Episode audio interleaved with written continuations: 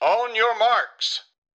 Get set! Välkommen till Maratonlabbet, en podcast om löpning med mig Johan Forsstedt och Sveriges bästa 24 timmars löpare Erik Olofsson. I det här 129 avsnittet kommer ni få höra allt om hans bragd i Växjö och så får vi höra hur Kristoffer Lås kan vara så bra på halvmaraton och maraton trots att han tränar hälften så mycket som många av hans konkurrenter.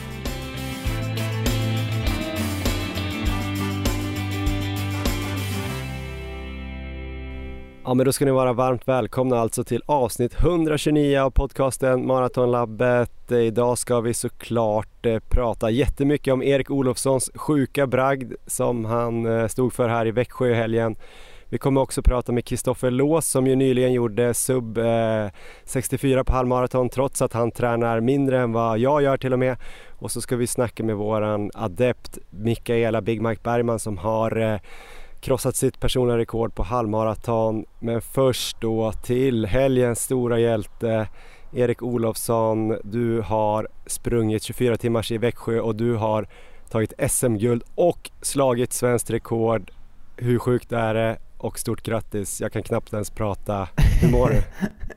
Tack snälla Johan. Ehm, jag mår, ja, men jag mår ganska bra. Jag, mår ju, jag är väldigt, väldigt glad även om jag inte har kunnat ta in den. Jag har inte förstått vad som hände. Vi spelade in mindre än ett dygn efteråt.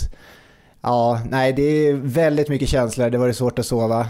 Och eh, ja, jag har knappt sovit på tre dygn nu känns det som. Jag sov väldigt dåligt innan loppet och sen självklart eh, missade jag ju en natt när jag var ute och sprang. Och eh, det var även svårt att sova igår så att jag får be om ursäkt här på förhand om jag är lite virrig idag. Jag känner mig inte helt klar i huvudet men nej, det var, det var en helt magisk och eh, obeskrivlig dag. Om vi börjar med slutet och bara lite snabbt. Eh, vad blev ditt resultat? Jag tog mig alltså 266 eh, kilometer, eh, om ni ska få det exakta här. 266,587 kilometer. Och det var alltså svenskt rekord med en ganska liten marginal. Johan Stenes rekord slog du. Ja, precis. Det slutade till slut på 72 meter. Och det var ett eh, sanslöst drama sista timmen. Jag kollade några andra svenska rekordhållare. Det här är en ganska skön lista att vara med på, eller hur? Det är alltså 5 km väg, eh, David Nilsson 10 km väg, Jonas Glans, eh, halvmaraton Napoleon Solomon, maraton Mustafa Mohamed, 100 km Jonas Bud, och så kanske jag hoppar över några rekord här men 24 timmars Erik Olofsson, bra lista. ja men det är härligt att höra. ja, jag vill innan vi går in på hela den här race-reporten också bara att du ska försöka förklara vad som händer där på bild nummer tre av de bilderna du la upp på våran Instagram, Maratonlabbet här idag, måndag morgon. Vad händer där? Bild nummer hur tre. känner du? Ja just det, men det är ju då är det efter målgång. Och målgången på 24 timmars lopp det är bara att det ljuder en slutsignal och man lägger sig ner på den plats man är. Och jag var ju helt slut där. Och eh, ja, den här bilden togs ungefär kanske en halvtimme, 45 minuter efter.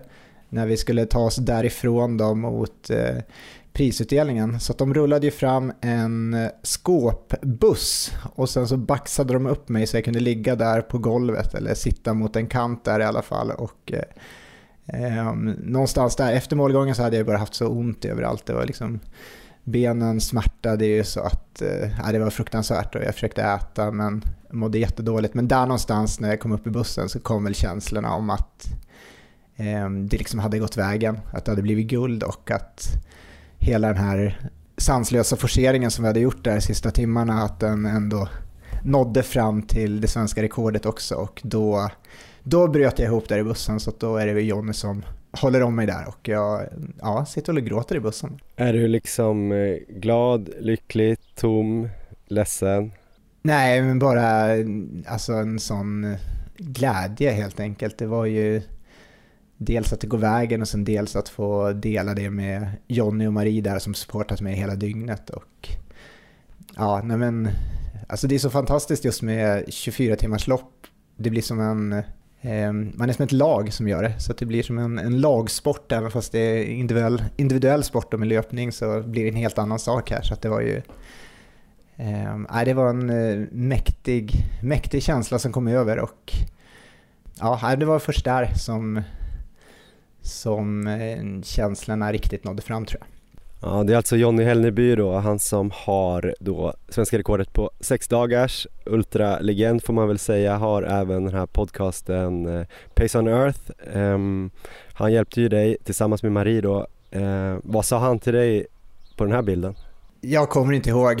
Jag, där var jag helt yr, men eh, det jag kommer ihåg är ju att eh, sista timmen där när jag verkligen jagar det svenska rekordet så är ju Jonny överallt på banan.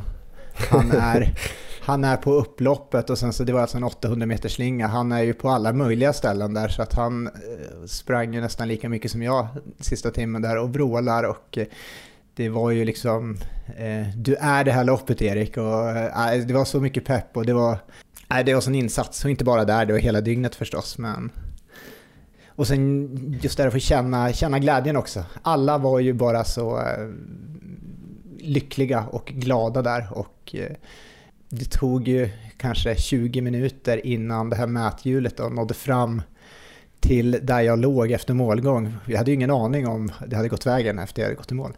Utan det beskedet kom ju först 20 minuter efter och det var en stor folksamling där som hade samlats också för att vänta och se hur långt det skulle bli.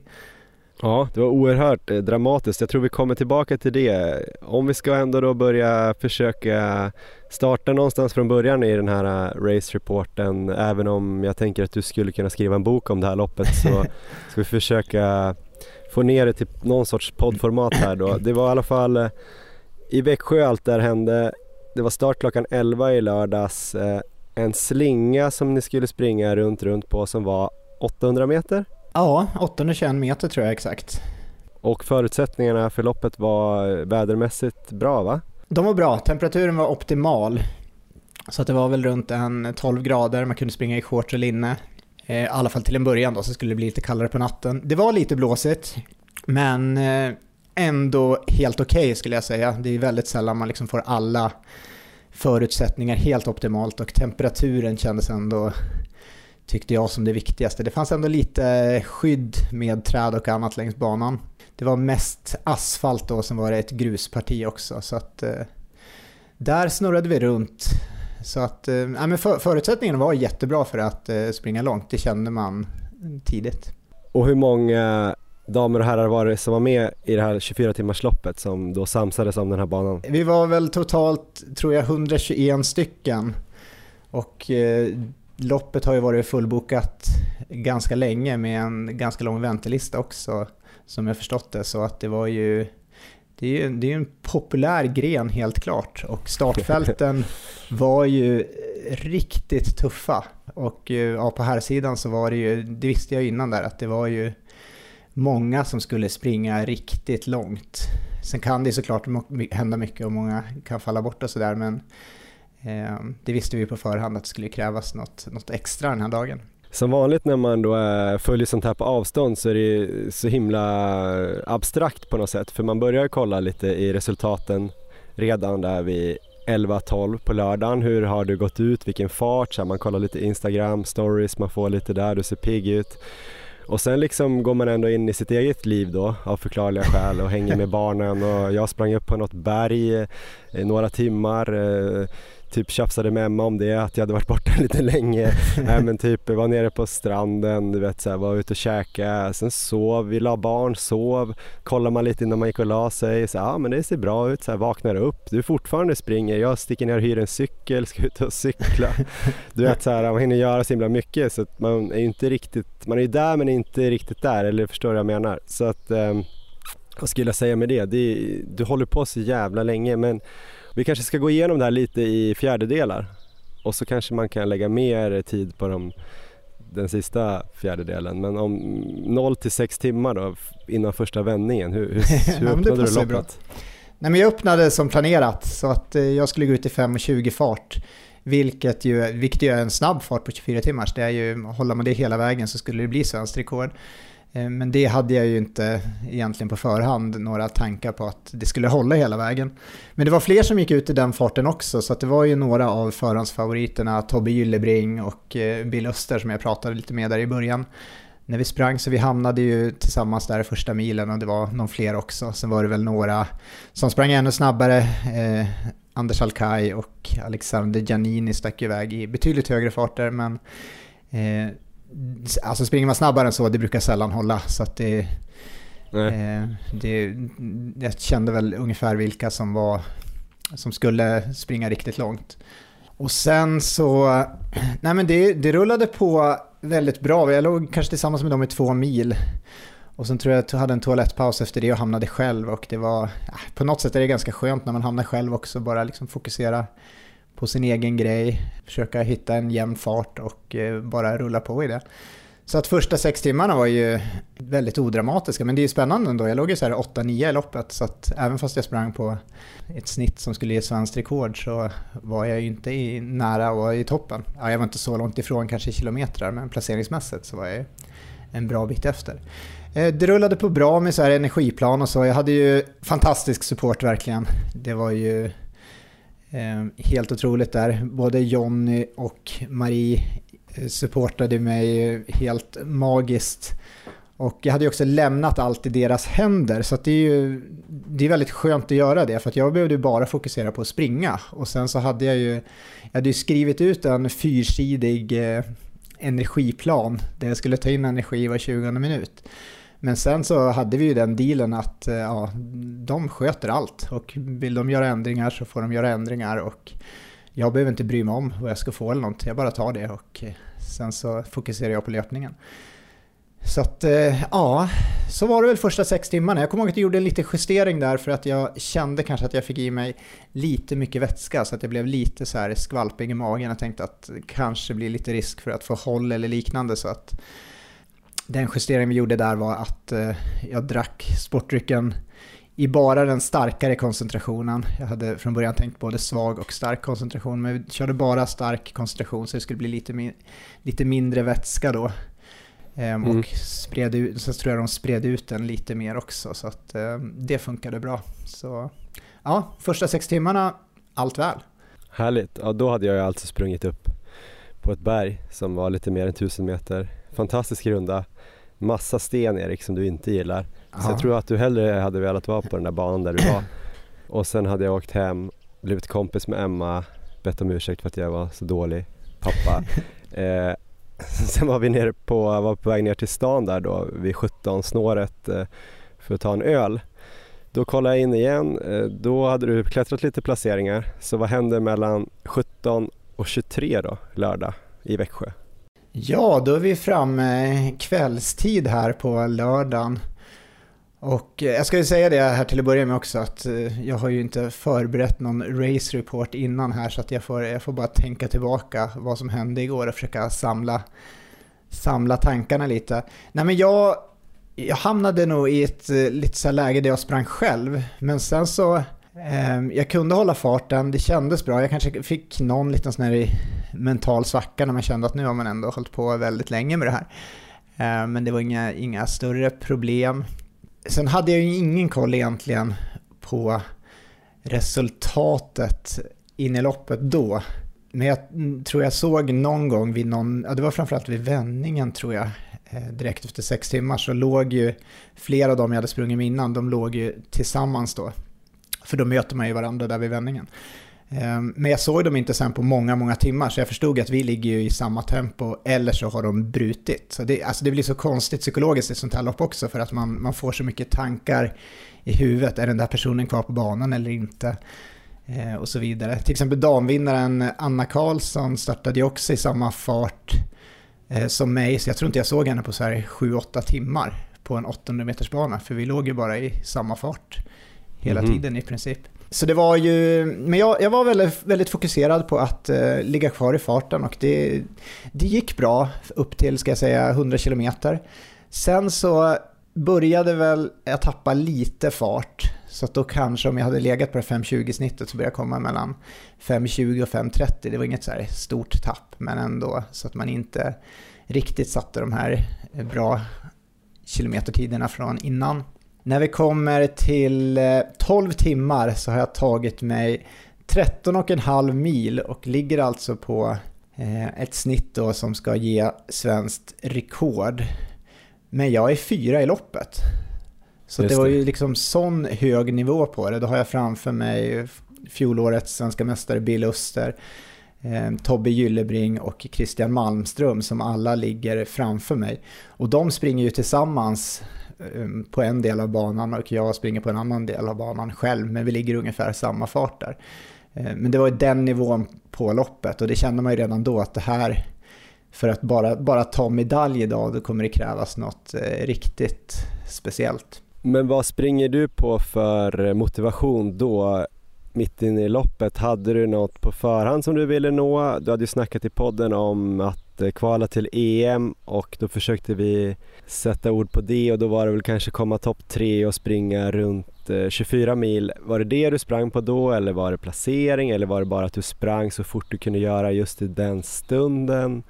Nej, vid det här läget så så fick jag ju inte höra några rapporter om hur jag låg till. Så halvvägs så, ja, jag visste egentligen inte hur. Jag visste att vi låg nära, för vi hade inte sett varandra så mycket och passerat varandra så mycket. Så att jag visste att det var säkert otroligt jämnt att jag låg lite efter, för de hade passerat mig ändå någon gång. Men jag sprang väl, mina målsättningar var ju på förhand att slåss om en medalj och att försöka ta en plats i, i EM-truppen då. I, EM kommer gå i Verona i 24 timmars löpning i september. Men där visste man ju inte hur mycket som krävs eftersom att det är så hög klass nu på svensk 24 timmars löpning. Så det finns en indikativ EM-kvalgräns på 23,5 mil men det är så många som har kapacitet att springa längre än så.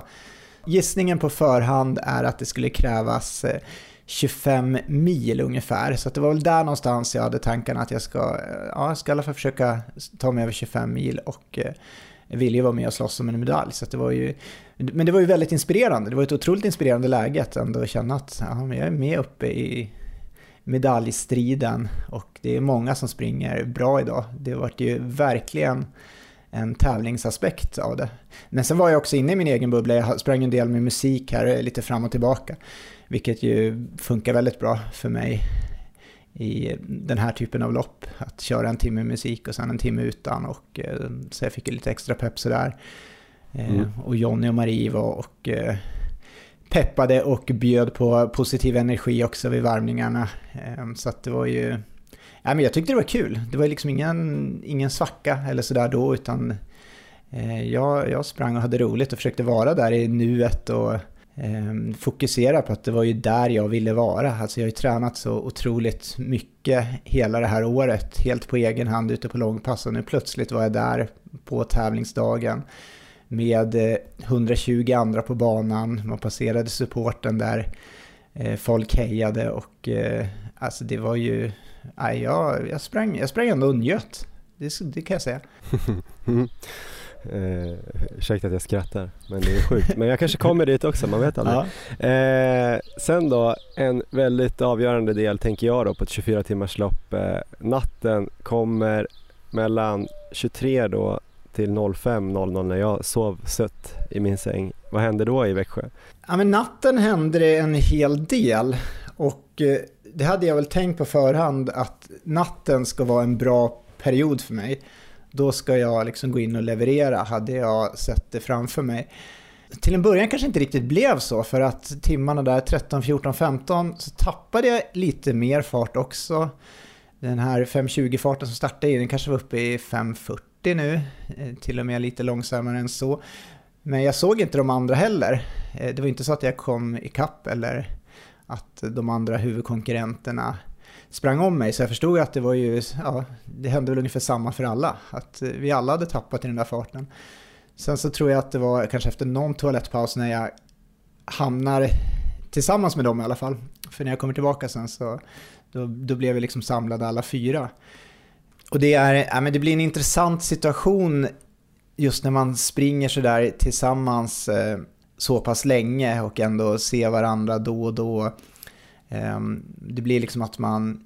På ett sätt så unnar man ju alla andra att eh, springa väldigt långt. Och det, det känner jag liksom i hela fältet, att man, det är en otrolig liksom pepp och man hejar, man hejar på varandra, man peppar på varandra. Det är ju liksom bara positivt snack och sådär. Ehm, men alla här uppe i täten, vi visste ju ändå eh, att det är ändå vi som är där uppe och slåss om medaljerna nu. För då var vi ju fyra stycken då, jag, Tobbe, Christian och Bill, som ju gick eh, väldigt bra. Så det blir att man, eh, man eh, tittar lite extra så på varandra och eh, det blir någon som gör någon fartökning där och så här och liksom testar hur man ligger där. Det var väl lite, lite sådär tjuv och rackarspel stundtals, att någon ökar på och går ifrån lite och sådär. Och det var väl under den här sträckan, kanske på slutet här, som Bill då börjar få problem. För jag har ju legat fyra här upp till kanske 16 timmar tror jag i loppet. Men där börjar då Bill få problem. Och det var överraskande för att han såg otroligt bra ut innan, jättestark. Eh, men här så eh, hade han väl börjat få feberfrossa och så här. Så att han eh, tappade ju fart under den perioden till att börja med och han blev ju sen också tvungen att kliva av. När var det då? Han sprang runt 19 mil eller var det något sånt? Ja, jag tror det. Så att det kanske, jag vet inte exakt, men kanske vid 17, 17 timmar eller något sånt där. Eh, Just det, och det var ju fjolårets eh, SM-guldmedaljör. Ja, precis. Så att då var ju jag på tredje plats nu då efter Christian Malmström då som ledde och sen så Tobbe Gyllebring som var tvåa och sen så låg jag trea. Ehm, och när, när man då såg det till slut att Bill hade brutit och ja, då förstod jag väl att om jag nu håller hela vägen så är det ju bra medaljchans idag i alla fall. Så det var ju ändå liksom ett mål ehm, eh, som, som det ändå såg lovande ut. Men sen kan ju så mycket hända. Även om det har känts bra för mig hela vägen upp dit så det räcker ju att jag får liksom en sån svacka och sen så är loppet över och då blir det ingenting av det heller. Men, men, annars var det temperaturen var ju, tyckte jag, ganska behaglig. Det var ju mycket kallare nu på natten men jag sprang ju, istället för linne sprang jag i underställströja och handskar.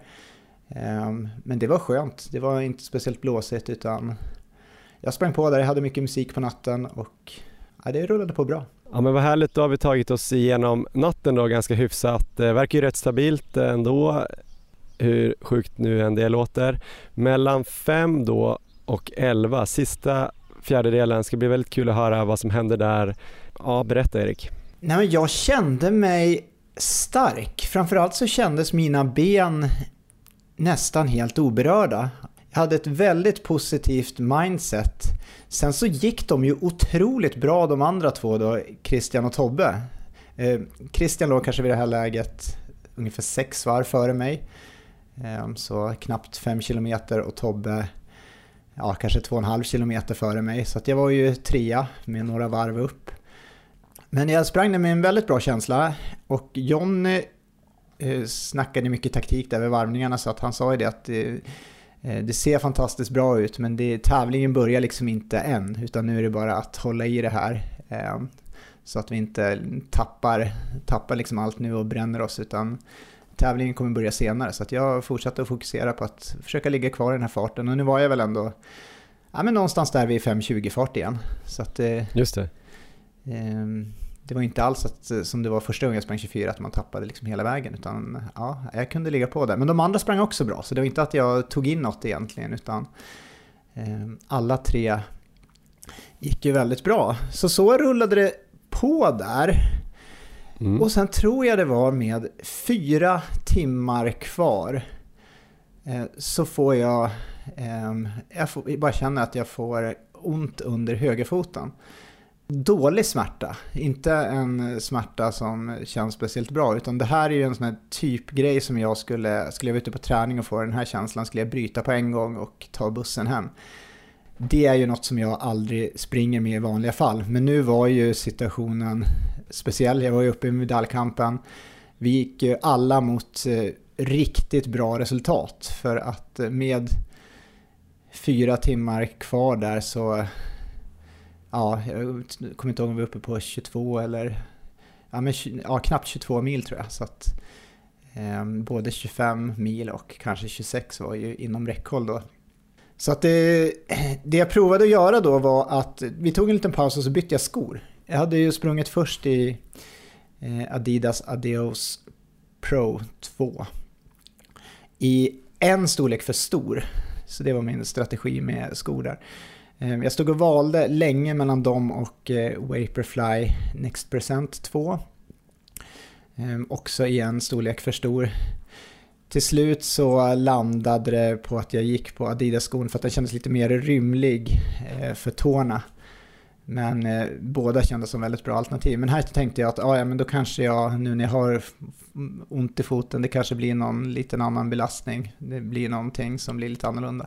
Så jag bytte, bytte till de skorna, till Nike-skorna med fyra timmar kvar. Och gav mig ut och sprang ett varv, fortfarande ont. Det kändes inte bra alls. Ehm, och när jag då passerar Jonny och säger det så säger han att ja, nej men det här kanske inte är det du vill höra nu men prova att öka lite. Det, det skulle ju kunna ge en liten annan belastning och det skulle kunna funka bra. Ehm, och han, han är lurig Jonny så att det, man vet, alltså jag, jag är i det stadiet i loppet att jag litar ju 100% på honom. Eh, så att jag gör ju allt han säger och jag har ju verkligen lämnat över helt. Eh, men han är ju lurig så att jag vet ju så här i efterhand vet jag inte om det verkligen är så eller att han ville kanske att jag skulle springa lite snabbare också.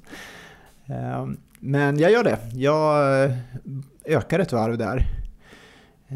Och eh, jag bara känner att det här känns ju väldigt bra. Jag har lite ont i foten fortfarande.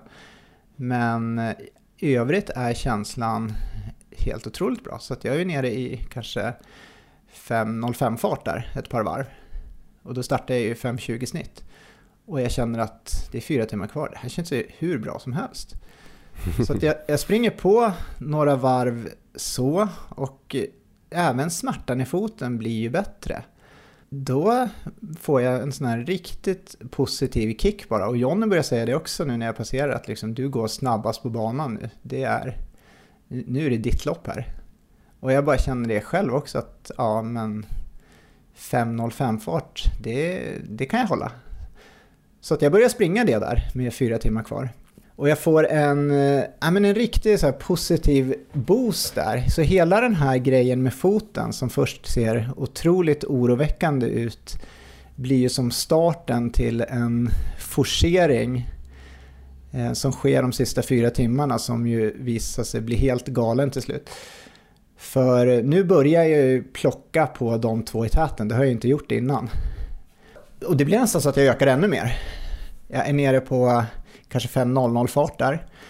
Eh, något varv, så att Jonny får nästan börja bromsa mig lite, att det liksom inte ska gå för fort för tidigt här. För att jag är eh, väldigt taggad och springer på bra med en suveränt bra känsla. Och där, jag tror det var vid två timmar kvar, för då har jag ökat ännu mer. Då säger Jonny i alla fall att ja, men det skulle kunna finnas, om du kan öka ännu mer, en minimal chans för svenskt rekord. Och min känsla då är att ja, men då, då går vi för det. För yeah. det känns så pass bra då så att eh, jag säger det, ja men då, då kör vi för det. Och då ligger jag, tror jag fortfarande trea i loppet. Um, så att därifrån så blir det som en två timmar lång progressiv spurt. Um, Som var, det var ju, till en början så gick jag kanske ner i någon slags 4.45 fart. Och eh, efter ett tag så var jag började närma mig Tobbe väldigt mycket så att jag kom ju upp till slut där upp på en andra plats med kanske en och en halv timme kvar ungefär. Ehm, och då visste jag att eh, Christian var ungefär två varv före och att han gick bra. Men just nu så gick jag så väldigt snabbt så att eh, håller jag den här farten så kommer jag, då kommer jag igång till slut. Det sa ju Jonny också till mig när jag passerat. Nu fokuserar vi, vi fokuserar på rekordet nu. Jag fick ju ett mess från Marie vid klockan nio ungefär. Då skulle jag precis hoppa på en buss och, och åka och hyra en cykel för jag skulle ut och cykla. Då skrev hon ju, vad fan händer Johan? Erik går mot svenskt rekord. Och jag bara, men kollade jag liksom resultaten. Då tror jag du låg, ja men du kanske låg trea precis just då. Men du var ganska nära tvåan, men du var lite efter ettan så det var två grejer som slog mig då. Var det dels så här, du hade sprungit typ 24 mil och hade ja. två mil kvar. Så bara, men vänta nu, ja det är ju jävligt, jävligt, jävligt bra. Men alltså ska springa, han ska springa ändå 26,5 kilometer nu på två timmar. Det är ju 13 kilometer i timmen. Det är ju liksom nästan 4.30 fart, 4.40 i alla fall. Det har jag inte sprungit på hela, hela tiden. Det, det låter ju helt overkligt. Plus att det är en annan som är före, han kommer ju slå svenskt rekord. Så det var ju mina premisser. Jag bara, det här låter eh, jävligt mäktigt eh, resultat på gång men det kan ju aldrig riktigt gå. Och sen, eh, ja, men sen kan ju du berätta då hur det gick sista en och en halv, en timmarna då. Nej men precis, utgångsfarten det var ju ungefär 11 km i timmen så att jag skulle springa mycket, mycket fortare här. Men jag, jag gick ju här väldigt bra. Ehm, jag sprang väl i kanske 4.30-4.40 fart. Ehm, och till slut så hade jag väl bara ett varv upp till Christian där. Och eh, då hade det ju verkligen börjat samlas folk. Ehm, både längs banan men framförallt där vid supporten. Och då började också då Daniel Westergren som eh, var speaker där, han började ju ropa ut där vid varje passering att nu kunde det vara jakt på svenskt rekord här. Och, men sen fick jag ju lite tidrapporter av Jonny att jag var ju tvungen att ligga i någon 4.30 fart där.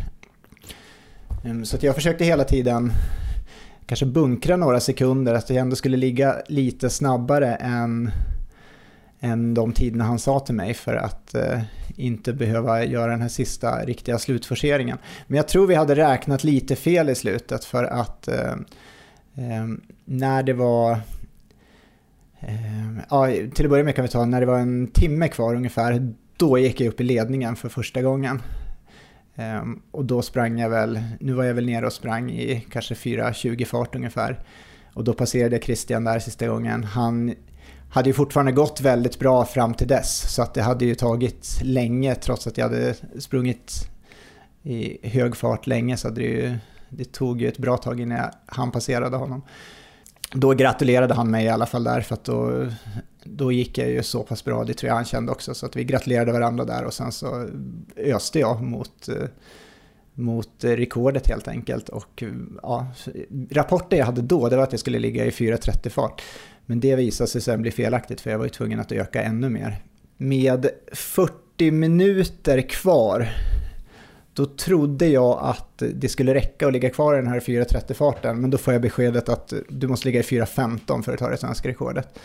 Och det var ganska tufft att höra, men där hade jag fortfarande en väldigt bra känsla. Jag hade muskulärt så var jag var inte sliten. Benen var fantastiskt bra och det var inga kramptendenser eller något sånt där. Så att, Hur fan kan inte um, du vara muskulärt sliten när du har sprungit i 23 timmar? Um, jag vet inte. Men alltså, jag, tror jag fattar är, att du har tränat men det är helt ja, orimligt. Ja, jag, tror, jag tror det är må många mil som, eh, som har gjort det. Sen så hade jag bara dagen också. Jag lyckades med formtoppningen den här gången. Så att eh, jag sprang på där, men nu när jag var tvungen att gå ner i 4.15 fart och till och med då 4.10 fart som jag la mig i då, då kom jag in i det här stadiet som du kanske kommer ihåg från Vindbromaran till exempel. Så eh, med 40 minuter kvar så springer jag och skriker längs banan, då är det vrål. Eh, där, då är det nära maxpuls. Ehm, men det, stämningen är helt galen då. Dels längs banan, det står massor av folk på olika ställen. Det var som att de hade spridit ut så står och skriker på mig. Jonny springer fram och tillbaka, han är vid supporten, han är på andra sidan banan, han korsar de här kullarna fram och tillbaka hela tiden och vrålar på mig. Ehm, så jag får liksom inte en lugn stund där, men det var, det var brutalt jobbigt. Det var Eh, benen känns bra, men nu är det ju, alltså, alltså pulsen och kroppen känns ändå som att vad, vad fan håller du på med? Så här kan du inte göra nu.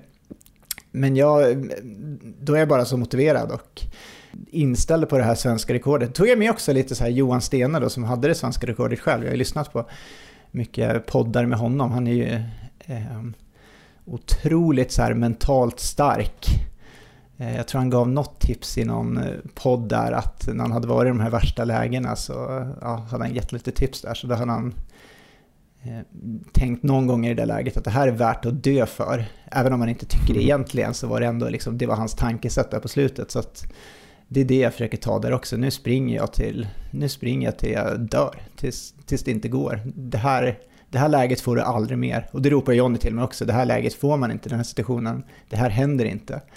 Eh, nu tar vi det här bara varenda gång jag passerar. Så eh, det går inte, alltså läget är för bra, stämningen är för bra. Eh, jag vill ju bara sänka farten och ja, springa långsammare. Men jag maler på. Och när jag kommer in vid de här supporttälten, där har det samlats massor av folk så att det är ju...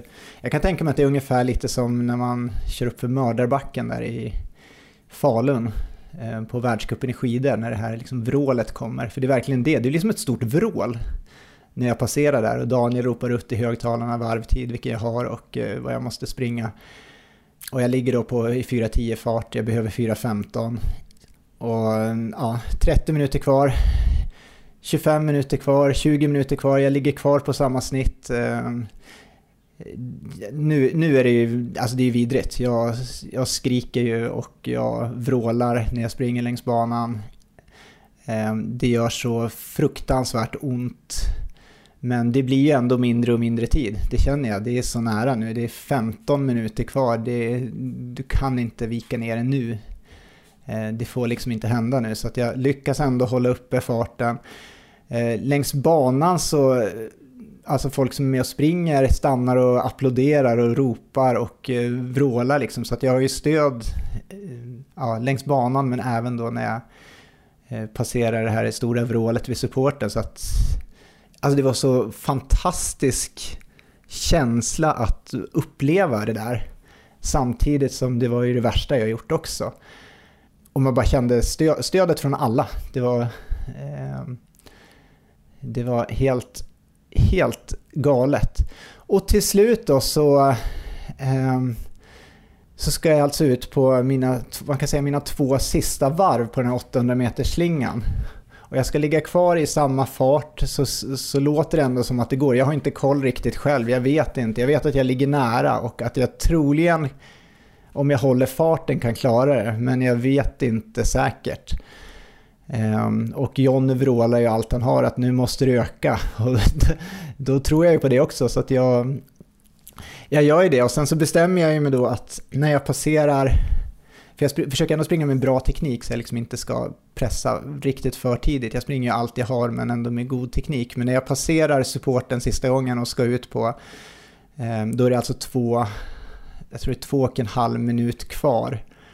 Så ska jag då ta mig Eh, de här sista, om det är 500 eller 600 metrarna där för att eh, nå det här svenska rekordet.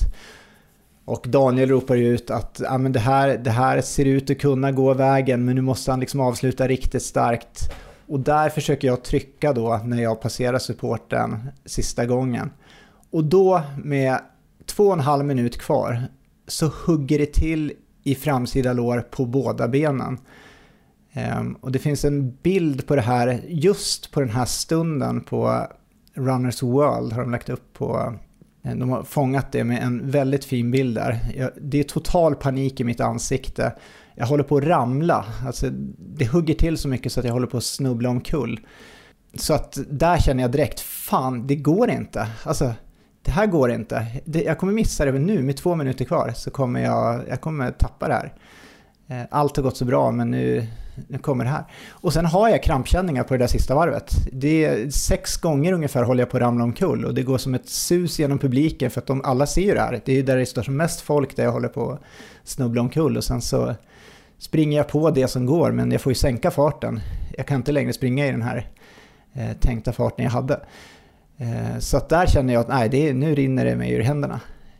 Men Jonny är där på andra sidan när jag kommer dit och han ropar du ska bara upp för den där backen och sen så öser du det du har liksom nerför. Så att jag gör ändå det för att jag tänker att ja, jag får väl ge det jag har nu i alla fall. Och det hugger i framsida lår på båda benen. Ehm, det, känns som jag ska ramla flera gånger. Ehm, men till slut hör man den här nedräkningen då från 10 och neråt och då, eh, då öser jag allt jag har, struntar i krampen och allting och springer ända till slutskottet går och då bara kraschar jag ner i gruset där och är helt... Ja, jag tror aldrig jag tagit ut mig så mycket någon gång. Eh, det var, det var en helt galen avslutning och då har jag ingen aning om jag klarat det eller inte. För att det, det finns ju liksom inget resultat där utan det man gör då efter målgång är ju att de går runt mitt mäthjul och sen så mäter de ut hur långt varje löpare har kommit på den sista rundan och sen får man sitt resultat. Mm. Så att det ligger alltså där, Jonny och Marie kommer ju springande och väldigt mycket an, andra personer också eh, samlas där runt för att se vad det ska bli. Eh, Sveriges, ra, Sveriges Radio där liksom gör en minut med mig en minut efter. Jag kommer inte ihåg vad jag sa då. Eh, men ingen vet hur det gått, så att vi får vänta där i... För att det är ganska långt in på det här varvet också, så jag är en, en av de senare som Ehm, fick det uppmätt. Så det var väl kanske 20 minuter efter så kommer de till slut med mäthjulet där och då får vi alltså beskedet att det har gått vägen med 72 meters marginal. Ja, nej, det var, det, det var den galnaste avslutningen jag har gjort. Och eh, tog mig då till slut alltså 266,587 kilometer och eh, Christian tog sig ju 262 kilometer och Tobbe 260 kilometer så det var ju eh, helt otroliga resultat på den här tävlingen. Jag kan ju nämna det att de enda två som hade sprungit över 26 mil tidigare, det är ju Johan Stene då som hade det svenska rekordet och eh, ja, vem tror du hade svenska rekordet innan Johan Stene? Det har stått sig sedan 1986 innan Stene tog det 2017. Nej, Rune, Rune Larsson. Larsson. Precis. Så att det var ju, ja, det var en, det var en galen var ju tävling. sprungit över 26 också, men inofficiell tävling i Tärnsjö 2020 typ. Det har du helt rätt i. Och eh, För jag var där och tittade lite, men eh, ja det är ganska bra namn. ja, Och nu är du överst på listan. ja. Blev det någon jubel när de ropade ut eh, att det var svenskt rekord eller? Ja, men det blev ju stort jubel och eh, vilken lättnadskänsla. Ehm, det hade varit, eh, även om jag såklart skulle vara supernöjd med guldet och eh, vi får väl hoppas att det blir en säkrad EM-plats här också, så ehm, det hade varit tungt att missa det svenska rekordet med de här krampkänningarna ehm, med tanke på den forceringen vi hade där sista timmen. Men äh, nej, magiskt att det gick vägen och helt magiskt att få liksom dela upplevelsen med Jonny och Marie. Vi hade ju ett Eh, sanslöst bra team hela det här dygnet så det var ju verkligen en, en, eh, ja, en vinst för hela teamet och ett rekord vi tog tillsammans där. Så att det, nej, det var helt, helt galen men fantastisk, fantastiskt rolig dag. Och en liten, liten, liten då vinst också för Maratonlabbet. Efter fyra år då och fyra månader så följer du våran uppsatta plan där att du ska ta svenskt rekord. var det den planen vi hade från början? Ja, jag tror det. Nej, det var det väl inte. Nej, men jävligt kul eh, hur det har utvecklat sig och eh, otroligt fascinerande att du är bäst i Sverige på någon löpgren. Är Djupt imponerad. Stort grattis. Jag får tacka för allt stöd också och eh, alla gratulationer. Det har fullkomligt exploderat i min telefon här efter det här loppet. Eh, jag har inte hunnit svara på så mycket än ehm, efter loppet, men jag ska verkligen försöka svara på allt. Eh, det har varit bara känt ett galet stöd, dels under loppet och nu efteråt. Ehm, och underbart, alla verkar så genuint glada. Och jag vill nämna en person också efter loppet som kom fram till mig. Det är ju ehm, en riktig ultralegendar som heter Bertil Palmqvist. Han bor i Bärlingen där utanför Uppsala. Eh, 76 år gammal. Springer alla de här långa ultraloppen, liksom 6 dagars, eh, 24 timmars. Och, eh, han var ju med och sprang här också på SM. Ehm, och eh, det är så härligt att se honom springa för att han, ja, han, han springer alltså riktigt fort stundtals. Alltså ibland så går han där hand i hand med sin fru Ann-Sofie som också är med och tävlar. Och sen så är han igång och springer snabbt igen. Och, eh, jag tror han tog sig eh, 11 mil det här dygnet, Mm. 76 år gammal. Han kom fram till mig eh, och sa det där att eh, sista timmen så hade han liksom, ja, han hade haft en lite tyngre period och gått, men han hade blivit så inspirerad där när han hade sett mig passera honom där sista timmen. Så att han hade också börjat springa allt han kunde sista timmen. Så han hade sprungit så fort han kunde hela sista timmen. Så det var, ja, det var fint att höra. Men det var en bra helg i övrigt också va? Det var bra drag. Jag vet inte, jag har inte full koll på alla resultaten. Jag såg ju att Elov sprang otroligt bra. Nytt personligt rekord på 100 kilometer. 3.57 Ja. snitt. Ja, Elof sprang fantastiskt bra. Ehm, sen gjorde han även en väldigt bra insats när han eh, skjutsade mig i en sån här cykel med vagn till dopingkontrollen efteråt. Ehm, så det var också bra gjort. det var en tuff kamp där mellan Elov och Linus Wirén. Linus Wirén sprang ju också riktigt bra, var ju uppe i ledning där på slutet av loppet innan då Elov gör som han brukar göra och eh, avslutar igen i Eh, superfart. Och jag tror han vann till slut med 10, nu ska vi säga 10 minuter tror jag före Linus. Så det var hög klass där. Eh, dam, damerna på 100 km var också hög klass där Nikita Steiner vann och sprang under 8 timmar. Um, och sen så hade vi 24, 24 timmarsloppet för damerna där Anna Karlsson uh, sprang riktigt bra och vann. Och uh, Elin Hartelius uh, lite bakom och även Louise Kjellson sprang riktigt bra. Så de var ju tre stycken över EM-kvalgränsen även i damloppet där på 24 timmars. När i september är EM? Vet inte exakt datum, men det går i slutet av september i Verona. Så uh, första uttagningen då till EM tror jag är nu, om det är ja, på onsdag. Så dagen efter tror jag vi släpper, 27. Um, ehm, så då är det ju Um, får vi se om jag kommer med i den truppen. Det har ju varit målet i år. Men nog för idag om eh, Växjö och eh, ultralöpning. Nu vill jag höra lite om hur träningen har gått för dig Johan. Blev det något lopp där på lördagen också när 24-timmarsloppet var eller eh, hur blev det egentligen? Nej, jag eh, ska för det första fatta mig otroligt kort om eh, vad jag har gjort de senaste två veckorna eftersom jag tycker det känns ovärdigt att prata om i det här sammanhanget. Jag sprang upp på ett berg istället istället för att göra det där loppet. Men jag sprang ett lopp veckan innan, ett bergslopp där jag också fick stå högst på pallen faktiskt i åldersklassen då, herrar 40. Min första triumf sedan jag blev 40-åring. Äntligen betalar det sig att bli äldre. Eh, jag kom väl typ 12 i det där bergsloppet. 12 kilometer och 600 eh, höjdmeter tror jag. Skitkul var det. Mitt roligaste ah. lopp någonsin nästan, men det ska vi inte prata om. Och sen har jag sprungit 10 gånger en kilometer i 3.25 snitt med en minuts vila. Det var bra. Och sen har jag gjort två otroligt fina cykelturer faktiskt. Eh, inspirerad av, eh, ja, främst egentligen av eh, Mallorcas fina cykelvägar men också lite då av intervjun här med Johan Röjler. Just det. Så jag har cyklat ut på något som heter Cap Formentor på norra sidan här på Mallorca och sen igår gjorde jag en eh, härlig tur från Porte Poyensa upp i bergen och ner på en väg som heter Sacalobra. Alla som är cykelnördar vet ju eh, känner till den vägen. En eh, sjukt spektakulär väg som går ner i bergen. Men det här är ju en löppodd så vi ska inte prata mer om cyklingen. Men det är väl det jag har gjort. Jag tycker att vi lämnar det där här. Formen känns god.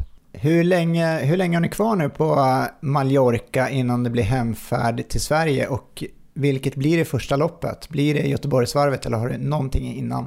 Det kommer nog bli så att äh, Göteborgsvarvet kanske blir det första loppet då förutom de här två jag sprungit som inte har kanske känts som A-lopp då här nere. Men äh, vi kommer hem nu till helgen den sista april så att det är väl fem sex dagar kvar här nu när vi spelar in. Jag hade gärna kanske sprungit typ 10 kilometer där på söndagen, första maj, men jag har inte hittat något lopp. Däremot är det ju en Bålsta 10 kilometer på lördagen så det är ju synd att inte det var på söndagen helt enkelt. Men eh, vi får se, det blir nog Göteborgsvarvet om jag inte hittar någonting innan.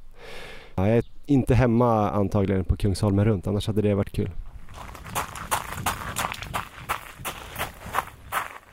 Vi har ett samarbete med Löplabbet, Sveriges största och bästa butikskedja för eh, löpare och löpning eh, med åtta fysiska butiker och sen har de ju också då löplabbet.se där man kan hitta både tips och guider, som lär er saker om löpning men också kan man köpa alla deras produkter.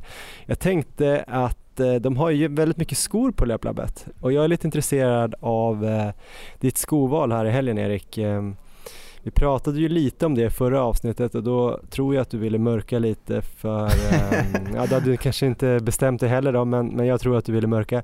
Men du valde till slut eh, Adidas Adios Pro 2 som du sa och du sprang i dem i alla fall i 20 timmar tills du fick lite ont i en fot. Eh, varför valde du dem? Är de de bästa 24 timmars skorna? Ja, men bra fråga Johan och det var inte så mycket mörkning tror jag som du tror utan eh, det var väl några pass efter vi spelade in sist så hade jag faktiskt mitt sista långpass och då sprang jag 36 kilometer där jag körde 6 kilometer i sex par olika skor. Just för att testa Mm. då inför loppet eh, i då den tänkta utgångsfarten. Så att eh, de skorna jag hade det var ju dels då Adidas Adios Pro 2, det var ju Vaporfly Next Percent eh, 2 och sen var det Hoka Bondi Y, det hade Hoka Carbon X2, Asics Nimbus Gel och eh, ja, det kanske bara var fem skor. Jag tror jag sprang någon runda med två. Det är de fem som jag kommer ihåg här i alla fall.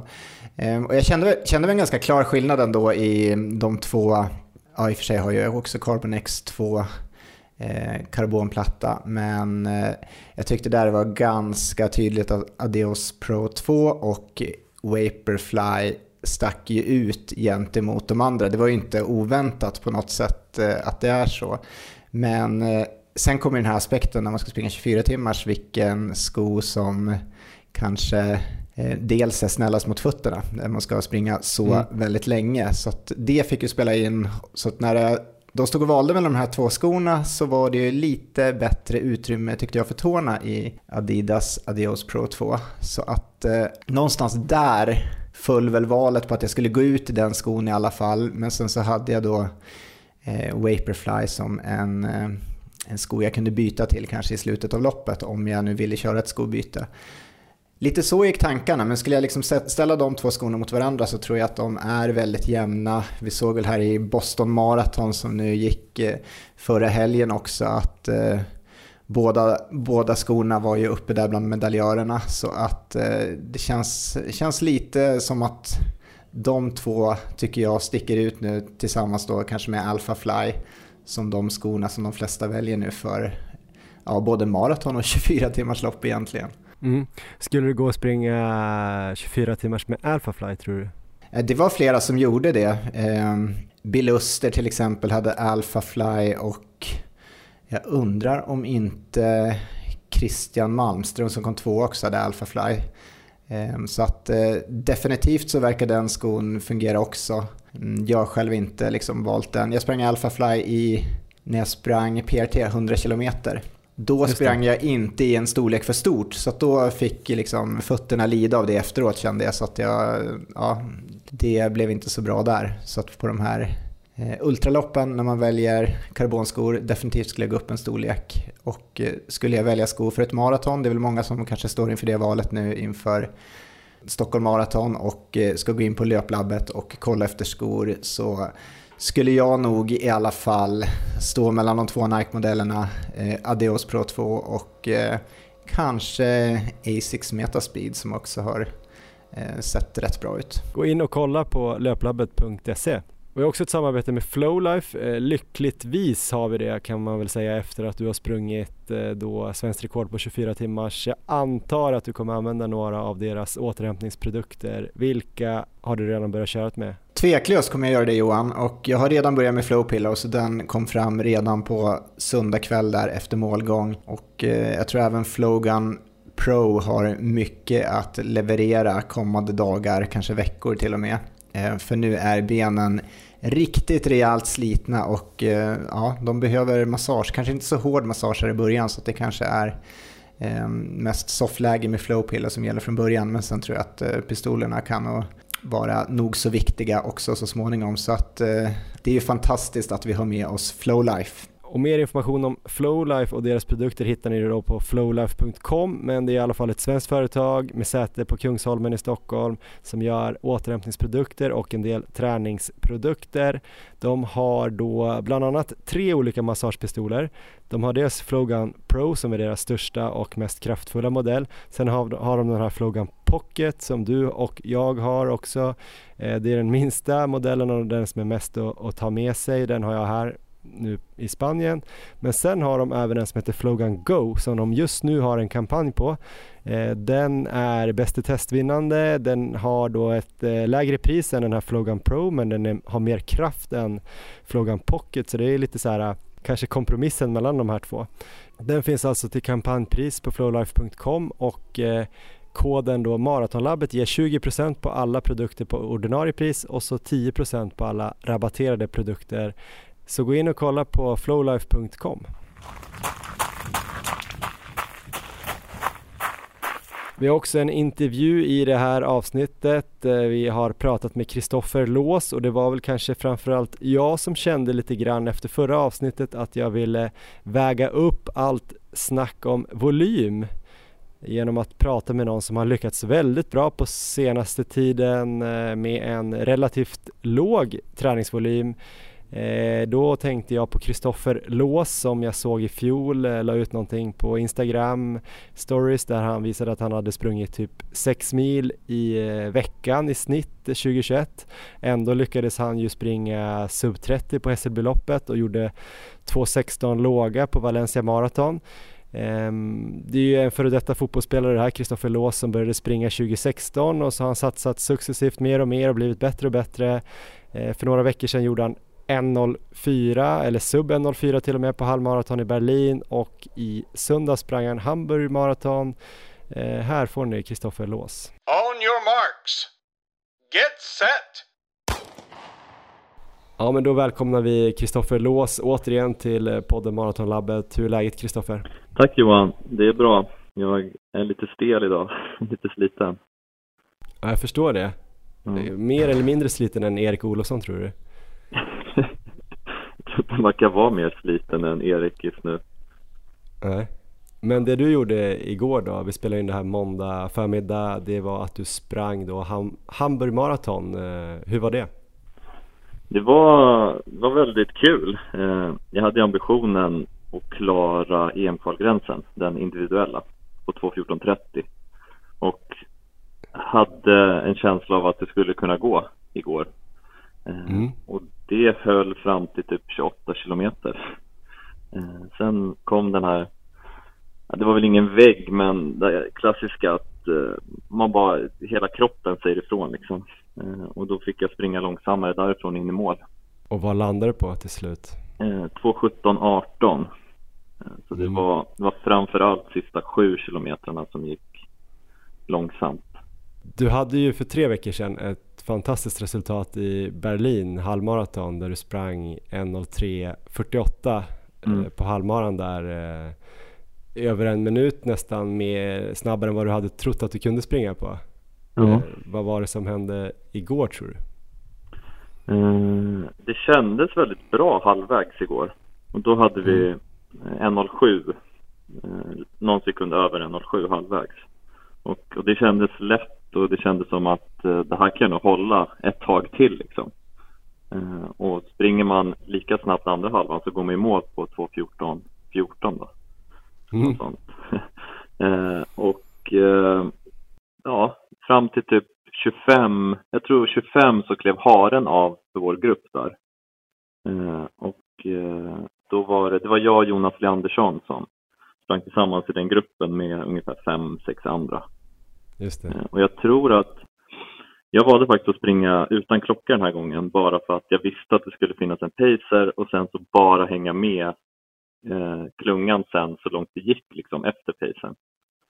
För att jag tycker att klockan kan snarare hindra en än hjälpa en eh, när man börjar bli trött. För då börjar man liksom titta på klockan och, och se att oh, nu går det långsammare och vad jobbigt det är, hur, hur ska det här gå liksom.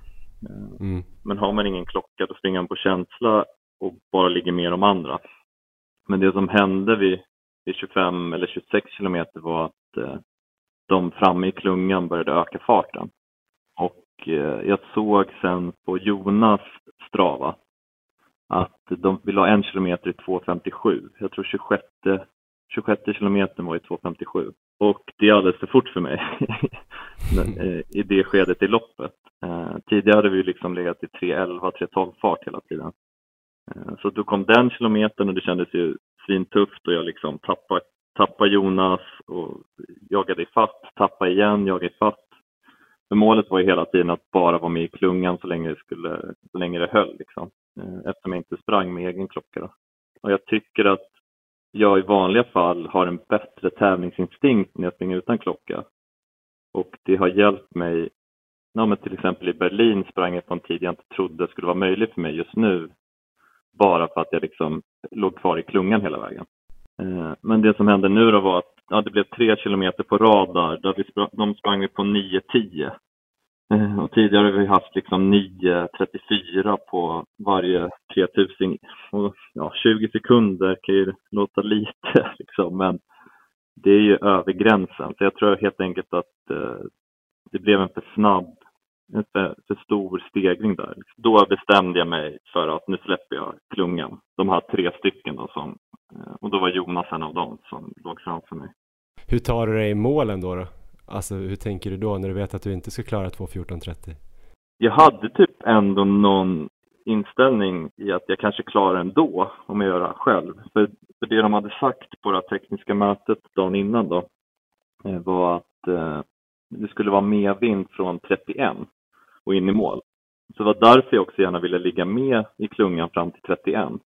Det kanske var dumdristigt då att eh, försöka hänga på dem så länge Eh, men då fick jag ta lite motvind fram till 31 och sen väl vid 31 så var det med vinden och det var ändå påtagligt att det var lättare där. Men jag vet inte, alla som har sprungit maraton vet ju den här känslan liksom när man springer, man tycker att man springer fort men man är typ inte jättetrött men man kan inte springa fortare heller. Jag vet inte, det, man bara hamnar i, i en liksom fart som känns ganska bekväm men ändå är hyfsat snabb. Eh, så faktiskt fram till, jag kollade sen på tiderna, fram till 30 så var jag fortfarande på rätt tid. Fram till 35 kilometer var jag fortfarande på väg att gå under 2.16 i alla fall. Men sen därifrån vart det ja, 3.30 fart in i mål tror jag. Men 2.17.18 är ju en eh, fantastisk tid ändå. Så att vi får gratulera till den. ja, tack. Jag får, man får ju säga liksom att när, när det går dåligt och man gör 2.17 då får man inte vara, man, får, man har ju blivit kräsen nu när man känner att man har kapacitet att springa bättre. Men om man hoppar tillbaks då de här tre veckorna till Berlin och ditt eh, 63.48 lopp där då, halvmaraton. Eh, vad säger du om det nu? Du var nästan lite förvånad efter loppet eh, lät det som på, på Instagram och sådär. Ja, ja, men det var väl för att jag valde att springa utan klocka för att det skulle vara en klunga som gick för typ 64 någonting då är, det, då är det bara att hänga på den egentligen. Det spelar ingen roll eh, vad ens klocka säger utan det, då är det lättare att bara liksom ligga med i klungan. Och jag låg i klungan hela vägen från start till mål. Och sen såg jag till att vara ganska offensiv i slutet när den där klungan började um, spridas ut. Då. Uh, och då, och jag såg först, det fanns inga, inga klockor ute på banan. Så jag såg ju först tiden när man kommer in där till Brandenburg Tor, eller vad heter mm. Den här bågen där. Uh, och då trodde jag att det var 64 höga klockan tickade mot. Sen insåg jag att det var 63 och då var jag väldigt förvånad. För det var ju liksom, jag sprang min näst snabbaste mil första milen och min tredje snabbaste mil andra milen någonsin liksom. Ja, sjukt imponerande lopp och eh, kanske extra imponerande på ett sätt med tanke på den kanske volymen du verkar ha i din träning det är ju lätt att man fastnar i det här att eh, man ska springa mer och mer och träna mer och vi pratade i förra avsnittet med Johan Röjler om att man kunde kanske höja upp träningsvolymer ännu mer med alternativ träning och liksom börja nå mm. hundratals eller tusentals nästan eller tusen timmar i träning per år men eh, jag vet att jag hickade till lite i fjol höst. Du gjorde ju jättebra fjolår också eh, där du sprang jättebra i Valencia. Då la du upp någonstans att du hade sprungit 6 eh, mil i snitt 2021 och eh, jag kollar nu på din Strava så har du sprungit mindre än vad jag har gjort eh, under mm. 2022. Det är såklart inte så att du inte tränar någonting men, men det är ganska mycket mindre mängd än vad många andra på samma nivå. Mm. Och jag tänker att det skulle vara kul att höra lite grann hur du tänker kring det och vad du gör då med de milen som du springer för att bli så bra. Vad är hemligheten Kristoffer? ja. Uh, alltså, för, först och främst, jag tror min strava är, den är inte helt sann. Uh, och sen ett årssnitt blir väl ofta också inte helt, Nej. det är inte hela sanningen liksom. För jag hade lite skadeproblem under våren så då körde jag ganska mycket alternativt. Jag tror om man ska titta på träningstimmar skulle jag ha liksom mer än motsvarande sex mil då. Men ändå, det skulle ju inte vara över tio mil. Nej, nej så är det ju. Eh, bra veckor just nu är på 10 mil, ska jag säga. Just det. Eh, och det är ju som du säger, det är ju mindre än vad många andra gör. Speciellt för de som satsar på de distanserna som du gör, mm. alltså att du springer så bra på halvmaraton. Vi har ju haft med alltså i våran podds historia så känns det som att eh, de som har sprungit runt 10 mil eller mindre, det är typ Lovisa Lind och hon satsar på 800 meter. Och så Jonas Glans nu för någon vecka sedan, men då är det ju för att han inte håller för mer än 8-10 mil och sen så mm. cyklar han 5-6 eh, timmar till. Och det tror jag inte att du gör, eller gör du det? Nej, alltså ja, men så som träningen sett ut på sista tiden så har det varit under grundträningen nu så har, har jag varit på typ 8-9 mil och sen två styrkepass i veckan. Ganska tunga styrkepass. Så det är väl något som, som jag och ja, men Jeff eh, Frydenlund då, som är min tränare, mm. som vi ändrade från förra året att köra tung styrka också under grundträningen. Känner du att du fått eh, effekt av den redan nu? Ja, alltså jag tror, jag tror att mycket handlar också om att man utsätter kroppen för ett nytt stimuli.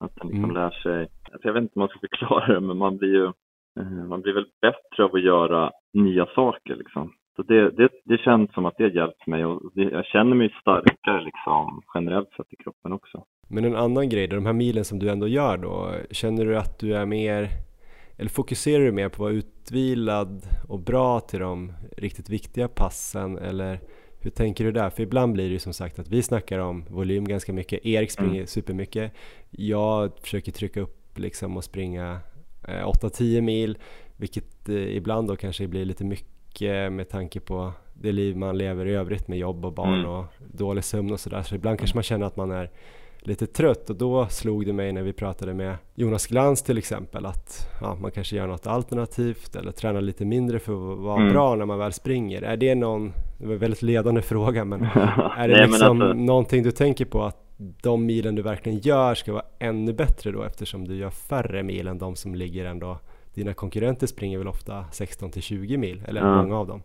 Ja, alltså nummer ett för mig så handlar det om att prestera som bäst på tävling. Och jag tror väl att det är allas mål också, men det känns som att det har blivit ett större fokus av att också prestera på träning. Med att kolla liksom, vad har jag för tider, vad, vad borde jag kunna göra på loppet då? Och sen om man mm. blev sjuk så kanske man säger sen att ja men träningen visade ändå på den här tiden. Jag är på helt andra sidan av det liksom. Och tycker att ja, men får, man får ju visa vad man faktiskt klarar av på tävling. Det spelar ingen roll vad, vad man gör på träning egentligen. Mm. Så nummer ett för mig är liksom det absolut viktigaste att tävla. Och jag tycker det är väldigt kul att tävla och vill tävla mycket. Och en tävling är ju, är ju liksom, då tar man ut sig 100 procent. Det gör man ju sällan på träning. Men om du översätter det då till din träningsfilosofi menar du liksom att du gör färre riktigt hårda, stora pass som du, alltså inför tävlingarna. Jag tänker, nu, det här var en egen tolkning, men jag vet mm. ju vissa, inklusive mig själv ibland kanske, som gör så här riktigt stora pass, kanske tre eller fem veckor innan och så mm. ser det skitbra ut och sen blir det liksom lite pyspunka på loppet. Mm. Är, det liksom, är det någonting i din strategi att att du är lite snällare mot dig själv inför loppen. Det här var en egen tolkning så ja, det inte stämmer. Alltså inför Valencia i höstas så körde jag ändå eh, två eller tre riktigt hårda pass. Två hårda mm. pass och sen eh, en halvmaraton eh, i Strängnäs där två veckor innan. Men då tyckte jag snarare att det var liksom Strängnäsloppet där jag var riktigt toppad. Och så var det mm. svårt sen att, eh, att få ut samma på maran två veckor senare. Så jag tycker typ att för mig är det viktigare att vara 100% på startlinjen än att veta att jag har gjort allt i träningen. Liksom. Hellre att man håller igen lite på träningen för att kunna vara helt, eh, ja, för att liksom, ha perfekta ben till tävlingen. Så det är väl en grej. Eh, men sen så tycker jag också att jag har liksom ingen strävan efter att få mycket mil. Och Jeff, han vill ju hålla ner mig för att jag inte har den bakgrunden som många andra har med, med mycket löpning. Liksom. Jag känner inte riktigt att jag skulle klara det. Nej. Eh, så, så då har vi istället anpassat träningen till att inte springa så mycket som andra, men att se till att få mycket kvalitet i det istället. Eh, och sen så, det blir liksom lekmannamässigt när man säger vad man tror fungerar och så. Eh, det finns ju de som lyckas väldigt bra på fler mil än jag också och lyckas bättre. Och till exempel Jonas då, Leandersson som sprang in på 2.13 nu eh, i Hamburg igår. Han, han gjorde ju ett superbra lopp och höll ju hela vägen. Jag höll ju inte hela vägen. Och det kan ju göra med att jag inte springer lika mycket som han gör eller har den bakgrunden. Då kan man också fråga sig, är det, är det, är det någon, har det något att göra med talang eller har det att göra med att han har tränat mer? Liksom? Jag tror egentligen inte så mycket på talang utan jag tror mer, eller jag, talang blir liksom ett sätt att bortförklara också någon annan, att någon annan är bättre än en själv. Om man säger att ja, men det är för att han har talang eller så. Jag vill hellre se det som att jag får kämpa hårdare för att nästa gång kunna slå Jonas, eller hänga på i alla fall hela vägen. Det är svårt att svara på det här, man vet ju egentligen inte om, om jag skulle springa mer, skulle jag vara bättre då? Alla man frågar hur de tränar, de säger ju att de tränat på ett visst sätt för att de tror att det funkar för dem. Men hur vet de att det funkar för dem? Har de testat andra träningsmetoder? Det var en liten ögonöppnare för mig i alla fall när jag bytte från Munt eh, till Jeff då, eh, för ett och ett halvt år sedan. Från Munt att ha tränat på tider hela tiden. Man skulle göra passen på vissa tider och så. Eh, till att med Jeff bara köra på puls. Jag tyckte att det var väldigt skönt för då blir man inte så man blir inte så stressad av träningen om man känner att man inte riktigt klarar farterna utan farterna kommer liksom i andra hand. Det handlar bara om att vara uppe på hög puls och det kan du lika gärna göra ett elljusspår eller kuperad terräng eller i vind eller så. Då man, man tar bort här, den här lilla ångesten av intervaller, tyckte jag i alla fall. Ja. Ja, men man ska säga också att du kom ju fram, eller du slog ju väl igenom när du tränade för Christian Munt och mm. eh, jag antar, utan att veta exakt, att du tränade lite fler mil då också.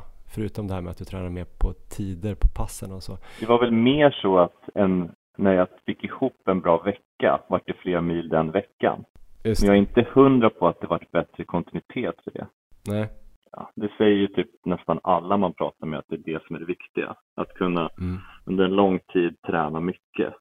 Och tittar jag liksom, om jag tittar tillbaks på en träningsmånad för mig så, är det, så har jag ju typ kanske tre, vilo, tre, fyra vilodagar på en månad och har sprungit hela tiden. Och de här staplarna då, som man får då på den månaden ser ut som att man springer väldigt mycket. Men så ser man liksom, jaha, jag sprang bara nio mil per vecka. Men jag har ju typ mm. rört på mig ganska mycket ändå. Mm. Jag tror att den här kontinuiteten är det som egentligen är det viktiga. Sen om du värmer upp 7 kilometer eller värmer upp 3 kilometer eller värmer upp 1 kilometer innan ditt intervallpass som gör att du får 12 eller 10 eller 15 mil per vecka. Jag tror inte det är så himla viktigt egentligen. Utan det är att du ska kunna springa vecka ut och vecka in.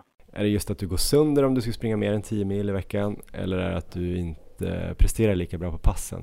Ja, vet inte. Det är väl Jeff som tror att jag skulle kunna gå sönder om jag springer mer. Nu har jag ju typ inte haft en sjuk dag eller en liksom träningsvecka där jag varit skadad sedan jag hade covid för ett år sedan. Jo, inför Valencia i höstas så fick jag problem med knät efter de här hårda passen inför. Mm. Men annars så vi har liksom valt att lägga mig under gränsen för att inte testa gå över gränsen. Men nu samtidigt vill ju Jeff att jag ska springa mer. Eh, så har, det finns liksom inget syfte i att jag springer Alltså det är inget test av en träningsmetod att så här, hur lite kan man springa, hur bra kan man bli? Men det kan väl kanske se ut som så liksom. Ja, många kanske hoppades att det skulle vara så, så att man kunde springa lite mindre och ändå bli bättre. Ja, men eh, jag tror som jag var inne på innan, att bli jäkligt bra på att tävla har varit typ den stora grejen för mig egentligen. Att se till att få ut allt på tävling. Men eh, när du tränar inför maraton då, springer också dina maratonspecifika pass efter puls då också eller? Just det maratonspecifika kan faktiskt vara på fart och framförallt om det är inför en platt mara. Just det. Eh, för att hitta farten där. Eh, men det är väldigt få sådana pass. Det som var lite synd, en anledning till att jag tror att jag bäggade som jag gjorde i Hamburg är för att um, uh, vi hann inte få in någon maratonspecifik träning. Utan jag ligger egentligen fas till Stockholm Marathon men vi ville ge Hamburg, eller en chans till EM-kvaltiden i Hamburg eftersom att det gick så bra i Berlin. Just det. Och jag tror att det hade behövts några till pass över 30 kilometer i Eh, i kroppen med lite högre farter också. Men har du några tips då till eh, folk som lyssnar som inte kanske har möjligheten att träna sådär eh, mycket som de kanske egentligen skulle vilja, antingen då beroende på tidsbrist eller att man går sönder. Vad ska man fokusera på? Alltså jag, jag tror liksom inte att eh, det, om, om man har två kurvor, en kurva som ser till ens utveckling i PBn och sen en kurva i antal mil man springer i veckan så tror inte jag att båda liksom ska peka uppåt. Det behöver inte vara så. De behöver inte följa varandra. Bara för att du springer mycket mer så behöver inte det betyda att det blir mycket bättre. För det, det kommer innebära en större risk för skador och sjukdom och så. Jag tror liksom att försöka hitta någon, någon slags gräns eller ligga un, under gränsen för vad man känner att man klarar av. Och sen så också se till så att det inte blir liksom en stress i vardagen att få in de här milen. Utan att man för det, det, tycker jag också är viktigt att man ser till helheten och det tycker också Jeff, vilket jag uppskattar väldigt mycket. Men hur släpper man den då, milhetsen? Eh, har du något tips på det? Jag kan faktiskt personligen själv känna att det känns lite jobbigt ibland när man bara, ja men jag brukar ligga på minst åtta mil. Nu blev det sju mil förra veckan. Det känns så här att det stör mig lite. Visserligen ja. cyklade jag då nio mil igår, men ändå. Ja. Jag kan ändå tycka att den där stapeln blev lite onödigt liten. Nej, det, det är ju svårt med den digitala värld vi lever i och vila siffror och statistik. Men eh, jag vet inte riktigt. Jag bryr mig bara inte så mycket om det. Sen är det såklart det är skönt när man känner att man liksom sätter pass. Det tycker jag också. Mm. Eh, om man har en vecka med mycket mängd, det känns ju liksom bra. Men i slutändan så handlar det om vad man gör på tävling. Så det är, där, det, är det som räknas. Så bryr mer om tävling än träning. Det är väl det tipset jag kan ge. Stort tack Kristoffer. Ja. Och eh, vad blir nästa grej där? Är det Stockholm maraton eller hinner du springa någonting innan dess? Det är Stockholm maraton som gäller. Eh, jag tror inte jag hinner göra någonting innan. Utan nu gäller det att få in de här långpassen inför. Ja, målet är att gå med första klungan så länge som det går. Och man kan följa din väg mot eh, Stockholm Marathon även på Sverige springer va? Mm, exakt. De har haft en, eh, vi har gjort en dokumentärserie där med mig, Sanna Mustonen och Tommy Myllymäki. Och sen så kommer det nya avsnitt där också nu på kanalen. Kul! Mm. Sverigespringer.se om man inte hittar det någon annanstans. Eh, suveränt, stort tack Kristoffer, kör hårt! Tack Johan, ha det bra. Ja men det där var alltså Kristoffer Lås som ju har varit med tidigare i Maratonlabbet. Jag kommer inte ihåg exakt vilken, vilket avsnitt men det var Maratonskolan tillsammans med Maratongruppen som vi gjorde då ett avsnitt om eh, maratonintervaller har jag för mig. Så det kan man ju också gå tillbaka och lyssna på. Kristoffer eh, då som ju inte tränar supermycket. Han har ju faktiskt tränat eh, färre löpmil än mig i år även om inte alla mil finns där på Strava. Men jag tror att det är inte så långt från sanningen ändå. Vad säger du om det Erik, att eh, Kristoffer kan eh, prestera så himla bra trots att han inte springer så här supermycket? Tror du att det bara är talang eller tror du att han har hittat något som passar honom? Jag tror definitivt Kristoffer har mycket talang för löpning, men eh, jag tycker den här intervjun, han är ju inne på helt rätt saker tycker jag när han pratar här på slutet om kontinuiteten, att det ändå är nummer ett. Eh, sen är det väl ingen skräll att jag förespråkar hög träningsvolym. Eh, men det tycker inte jag han låter så främmande för heller om det skulle fungera. Men det är just kontinuiteten där som såklart avgör. För får man då som Kristoffer är inne på avbrott, man kanske är mer skadebenägen eller blir mer sliten, och kanske får dra på sig sjukdomar, då spricker ju hela det konceptet. Så det är klart, det är den där balansen att eh, hålla i kontinuiteten som ju ska vara nummer ett och sen vilken volym man nu kan ta sig upp och ligga på. Och eh, ja, han kanske har hittat den rätta balansen just nu. Han gör ju fantastiska resultat helt klart, men på sikt så tror väl jag att de strävar efter att eh, han ska komma upp i högre volym än han ligger på nu. Och eh, då ska det ju bli riktigt spännande att se vilka resultat eh, som man kommer ha i kroppen. Jag tror det kommer komma riktigt bra maraton ifrån Kristoffer kommande år. Jag tyckte i alla fall att det var intressant att prata med Kristoffer och eh, ett exempel på att man kan göra väldigt bra saker utan att springa så här supermycket. Jag tror att man ändå ska ha med sig det också när man eh, planerar sin egen träning och då tänka på hur mycket, man, eh, hur mycket träning man kan egentligen återhämta sig ifrån. För även om man inte blir skadad om man springer 10-12 mil i veckan så kanske man inte lyckas få maxresultat av de milen. Alltså om man inte kan eh, sova ordentligt eller återhämta sig från det. Så att, eh, eller om man är trött på alla sina kvalitetspass och sådär. Helt så klart. ibland får vi höra att man kanske inte måste ha massa mil för att bli bra och så är det ju också. Det finns lite olika vägar till att bli riktigt bra. Kristoffer Lås då gjorde ju 1.03.48 på Berlin halvmaraton. En annan som har sprungit riktigt bra på halvmaraton på sistone är ju vår adept Erik, eh, Mikaela Big Mike Bergman. Vi coachar ju henne mot Adidas Stockholm Marathon 4 juni och som ett steg på vägen mot det sprang hon ju premiärhalvan i Stockholm i lördags. Och som hon gjorde det, det blev personligt rekord med fyra minuter. Vi ska höra hur det lät direkt efter loppet Erik. Eh, Jenny Sunding då, marknadschef på Maratongruppen, är eminent gästreporter. Ja, nu står vi här på Biskopsudden på Södra Djurgården. Det är lördag och det är eh, precis efter målgång på Adidas premiärhalvan för Mikaela. Ja. Big Mike, du har sprungit 21,1 kilometer. Hur känns det?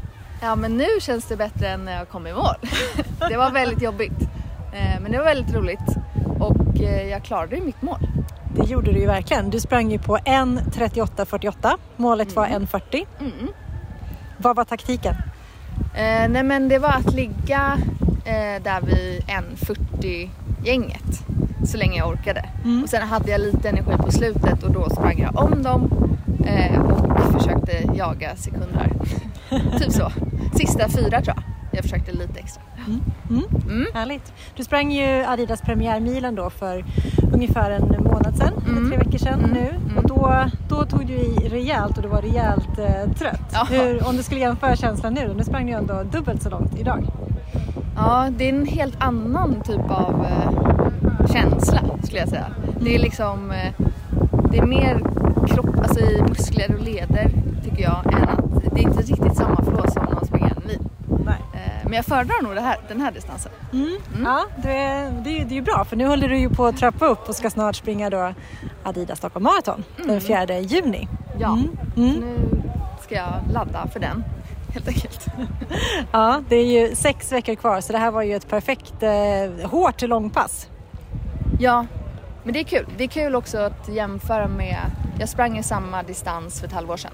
Eh, och det, en, det känns ändå ganska stor skillnad från då. Och det är positivt. Det är jättehärligt. Hur eh, kan du beskriva vad som är skillnaden? Nej men då var jag, hade jag typ blodsmak efter en mil. Eh, och nu kände jag att jag är lite mer uthållig ändå. Ja, men vad kul! Ja, men Stort roligt. grattis! Hur ska du fira detta nu då? Eh, nu ska jag laga middag för massa kompisar. Ja, ska jag. Det låter bra, så får de skåla med dig. Ja, tack så mycket! Tack, tack.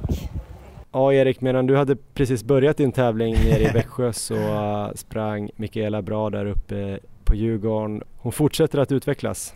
Ja, jätteroligt. Jag fick faktiskt rapporter där mitt under loppet när jag sprang ner i Växjö. Ehm, Så eh, sprang Marie bredvid mig och eh, ropade där att vilken tid Mikaela hade sprungit på. Så det, var, det var en positiv boost för mig också att få där mitt under min egen tävling. Hon verkar ha haft en lite mer behaglig känsla eh, det här loppet än vad det var på premiärmilen där när jag var med och eh, harade i alla fall. Ehm, Mm. Så eh, det fanns nog lite mer att ta ut ändå men eh, Eh, Säkert eh, helt, helt rätt upplagt lopp ändå att ligga med här i en 40-gruppen och sen så avsluta bra. Så ehm, ja, kul. Mm, vi ska höra lite mer om eh, hennes uppladdning inför det här loppet, eh, om själva loppet och även då de här sex veckorna som är kvar till Stockholm Marathon. Jag pratade också lite med Mikaela, här får du en kort eh, intervju med henne. Ja men då har vi med oss eh, Mikaela Big Mike Bergman, hur är läget? Det är bra med mig. Vad härligt! Vi har hört lite grann hur det gick för dig i lördags i den här intervjun som eh, Jenny Sunding gjorde med Mm. dig efter målgång.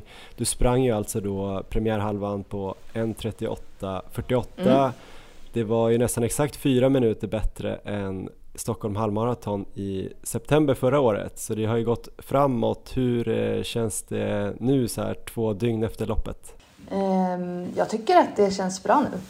Ehm, jag är inte lika sliten som jag var förra gången jag sprang ett halvmaraton för ett halvår sedan. Ehm, men ehm, det kändes, jag tyckte att det var ett bra lopp. Det var ett kul lopp. Ehm, och det kändes som att eh, vi hade satt en bra tid för att det liksom skulle vara görbart hela, genom hela loppet. Mm. Men eh, fyra minuter då bättre än i höstas. Eh, är du nöjd med det? Eller känner du att du hade kunnat gjort ännu bättre? Jag tänkte faktiskt på det. Eh, och som vi pratade ju innan och då sa vi att vi skulle, jag skulle springa med en 40 gänget. Eh, Mm. Vilket jag gjorde eh, lång tid, jag tror fram till typ 16. Men jag hade ju verkligen tanken några gånger innan att borde jag springa, försöka springa snabbare nu eller kommer det innebära att jag blir för trött på slutet? Eh, men det var ändå några gånger jag kände att jag hade kunnat, tror jag, öka tempot lite med några sekunder och ändå ta mig i mål.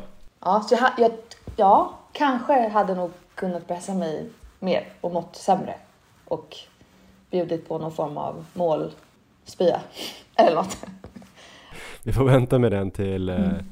Stockholm Marathon tycker jag kanske. Ehm, rapporterna innan här, vi har haft lite kontakt eh, veckan innan här loppet såklart. Eh, det har känts som att du kanske inte haft din bästa form här efter Paris. Jag säger inte att det beror på Paris Marathon men eh, det har verkat som att du har varit lite lägre i, i löpningshumöret. Hur, hur har det känts inför det här loppet, premiärhalvan? Um, ja, men det stämmer ju. Um, veckan innan så var jag nog inte en så härlig person och jag tyckte att uh, alla passen gick rätt dåligt, eller väldigt dåligt. Jag tog, la ju typ av något pass dessutom för jag kände att jag inte riktigt hade orken att springa Eh, alla kilometrar i den tiden som var tänkt. Ja, jag, jag tror att jag fick riktigt dåligt självförtroende sista veckan inför loppet. Hade mardrömmar om att jag blev utslängd från loppet och typ eh, inte skulle klara det och sånt. Jag tror att jag sa också efter varje, eh, efter varje pass till er att nej, det här kändes inte bra. Så det var lite svajigt veckan innan och även på samma dag så fem minuter innan jag skulle iväg till loppet så nej men jag kommer inte springa. Det, det, här känns, det här känns inte bra. Men så blev jag övertalad och så gjorde jag det och så kändes det ju väldigt mycket bättre. Så att det, antagligen var det väl nervositet. Det kanske är många som upplever det här, men det var nytt. Nytt för mig. Ja, men det tror jag verkligen att många upplever att de är nervösa inför loppet. Vissa tror jag faktiskt till och med upplever någon typ av prestationsångest. Var det så illa den här veckan innan att, att det bara kändes så typ tråkigt att tävla? Nej, alltså när jag, när, alltså när jag var på väg dit, då började jag ju skratta. Alltså då började jag ju skratta åt mig själv att här, varför har jag varit så nojig? Det här känns ju jättekul. Eh, men lite prestationsångest har man väl såklart. Alltså när man ändå har satt en tid som man gärna vill uppnå och så passen inför så känns det som att det känns helt omöjligt. Eh, och att säm- formen typ är sämre än några veckor innan. Då blir man ju lite så här fundersam. Men sen eh, så förstår jag varför folk alltid har sagt att loppen är grejen. För det är ju efter ett lopp så är man ju väldigt glad. och vill springa ännu mer. Härligt! Nu har vi det stora målet kvar. Mm. Om sex veckor Mm. så är det ju då Adidas Stockholm Marathon, 4 juni i Stockholm. Där vi har sagt att du ska försöka komma under 3.30 då, är ju målet. Mm. Nu funderar man ju, ska vi ha något mål, något tidsmål eller ska vi bara köra på? Vad känner du? Kommer det bli för mycket ångest här? Och kommer du bli en dålig person i sex veckor? Nej. Om vi fortsätter fokusera på tider. Nej, nu fick jag ju... Det känns som att jag fick något kvitto på att det bara var onödigt att tänka så. Mm. Eh, så det är klart att jag ska ha något mål. Jag tror ju också att det var så här att du var ganska bra form inför premiärmilen Mm. Och eh, sprang ju ändå det bra. Sen eh, kanske det stannade av efter att du sprang i Paris. Det borde ju gjort att du blev lite trött i benen och sådär även om det kändes bra veckan Mm. efter. Så det är ju inte helt konstigt, det är inte så länge sedan du sprang Nej. där. Och att du har också tränat ganska länge med en hög volym, mycket högre än vad du har gjort tidigare. Så du borde kanske ha kommit någon typ av stagnation eller till och med en liten, liten dipp. Men förhoppningsvis ska vi vända upp det här ganska snart Ja, så att du kommer in med en bra känsla till Stockholm. ja.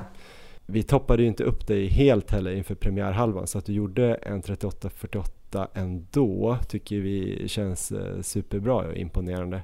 ja. Ehm, Du kommer vara helt toppat inför Stockholm och eh, det är ju sex veckor kvar Mm.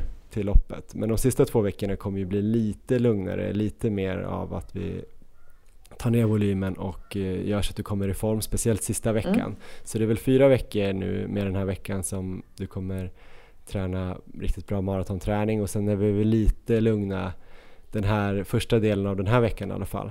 Men i helheten så blir det ju ändå typ eh, en del träning i din specifika maratonfart då, så 3.30 är ju ungefär då eh, sub 5.00 fart per kilometer som du ska hålla.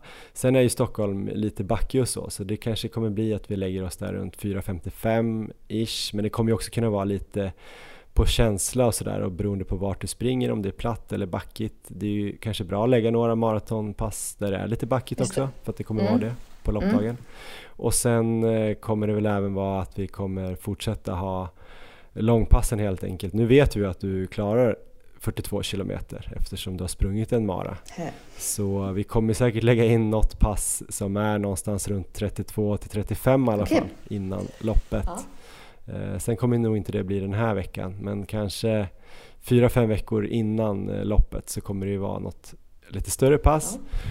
Och eh, sen kommer vi väl antagligen köra pass med sådana här lite längre intervaller i maratonfart typ där det blir mellan, vi bygger upp kanske mot, eh, ja vi får se om det blir något pass som är runt 15-20 kilometer i själva maratonfarten som då blir ett ännu längre pass totalt då med lite vila och uppvärmning och sånt där. Mm. Så det blir en del så lite tuffa pass och när man går in i den här sista perioden mot en mara så är det väl väldigt, väldigt viktigt att uh, ha en bra kommunikation om man har en coach, mm. att man säger till om uh, om man börjar känna sig som att man är den här ohärliga eh, Big Mike-personen ja. och att man är trött liksom hela tiden för då kommer ju antagligen det inte finnas någon energi kvar på själva loppet utan det gäller att hitta en bra nivå. Samtidigt ska man ju bli lite nedtränad och lite trött i benen. Ja. Det är ganska normalt för att eh, man sen då ska, ska lyfta när man då drar ner på träningen. Mm. Så det är det gäller att hålla sig på rätt sida så att vi får eh, helt enkelt hålla kontakten. Och eh, vad känner du då inför de här sex veckorna? Känns det inspirerande eller lite läskigt? Nej, jag är jättepeppad för de här veckorna. Det känns ju som att eh, mm. det är nu det verkligen ska bli spännande att se hur allt, hur allt kommer gå. Och också att, man, att jag har gjort premiärmilen och halvmaran och att man nu bara kan fokusera på det här som ändå är det stora målet. Eh, så det känns faktiskt väldigt kul.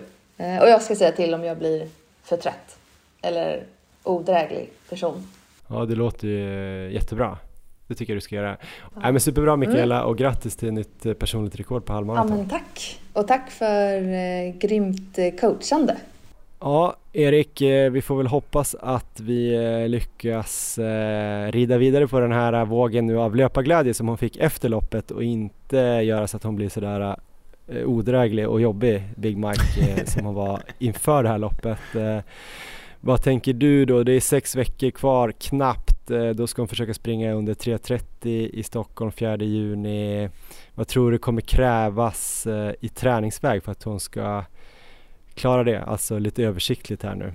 Ja, men vi ska väl eh, ha några pass i maratonfart här som sagt och eh, det gäller att balansera det också så att det inte liksom blir för mycket av det utan eh, få testa på tävlingsfart men inte liksom trycka på det i några kopiösa mängder för då kommer det bli för slitsamt och då kanske det till och med blir som vi var inne på i intervjun med Kristoffer här att eh, formen kanske kommer för tidigt där, att det är då man är som bäst och sen så är man kanske lite sliten där till loppet.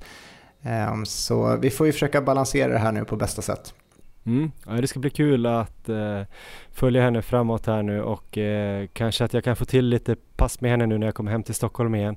Eh, ja, men eh, jag tror eh, helt klart att hon kommer fixa sub 3.30 nu eh, 4 juni. Och om det är några fler som är lite sugna på att eh, vara med på årets stora löparfest då eh, så kan man gå in på www.stockholmmaraton.se eh, läsa allt om loppet, anmäla sig. Man kan använda då kampanjkoden ASM20, alltså Adidas Stockholm Marathon 20, bokstäverna i versaler och då får alla våra lyssnare här 20% rabatt på anmälningsavgiften.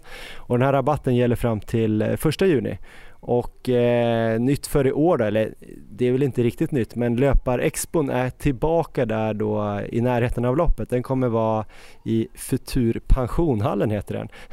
men eh, det är ishallen på Östermalms IP. Eh, den kommer vara öppen från torsdag fram till start på lördagen och eh, det är bra i fjol var den väl ute på Mall of Scandinavia och det var ju lite svårt att komma ut och hämta sin nummerlapp där. Eh, så det är perfekt att den kan vara där på Östermalms IP och vara öppen även då på evenemangsdagen. Eh, och som Kristoffer var inne på, gå gärna in och kolla på den här vägen mot maran med Kristoffer Lås, Sanna Mustonen och Tommy Myllymäki. Eh, han försöker väl ehm, klara sub 3 där då. Kanske borde lyssna på Maratonlabbet säsong 1 också, kan vi tipsa Tommy om han lyssnar här.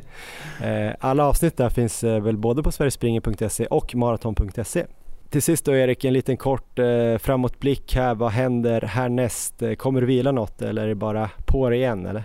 Nej, nu är det ju vila som gäller en hel vecka skulle jag säga. Jag vet inte, det kanske blir två veckor, det kanske blir tre veckor. Jag har ingen aning om hur sliten jag kommer bli efter det här loppet. Det, det ska bli spännande att se. Så att eh, en total vilovecka är ju helt givet i alla fall. Men sen kanske jag kan komma igång med alternativträning. Kanske kan bli cykling, det har vi varit inne mycket på på slutet. Eh, styrketräning hoppas mm. jag kunna komma igång med rejält igen. Jag hade ju en riktigt bra träningsperiod med styrketräning här hela året egentligen, ända tills jag började nu lätta upp på träningen inför loppet sista två veckorna. Så att jag vill ju komma, igen, komma tillbaka till den kontinuiteten. Jag tror det var en stor nyckel också att det gick så bra här i helgen. Eh, så de bitarna ligger först, men sen så jag ser fram emot redan nu att eh, börja springa igen.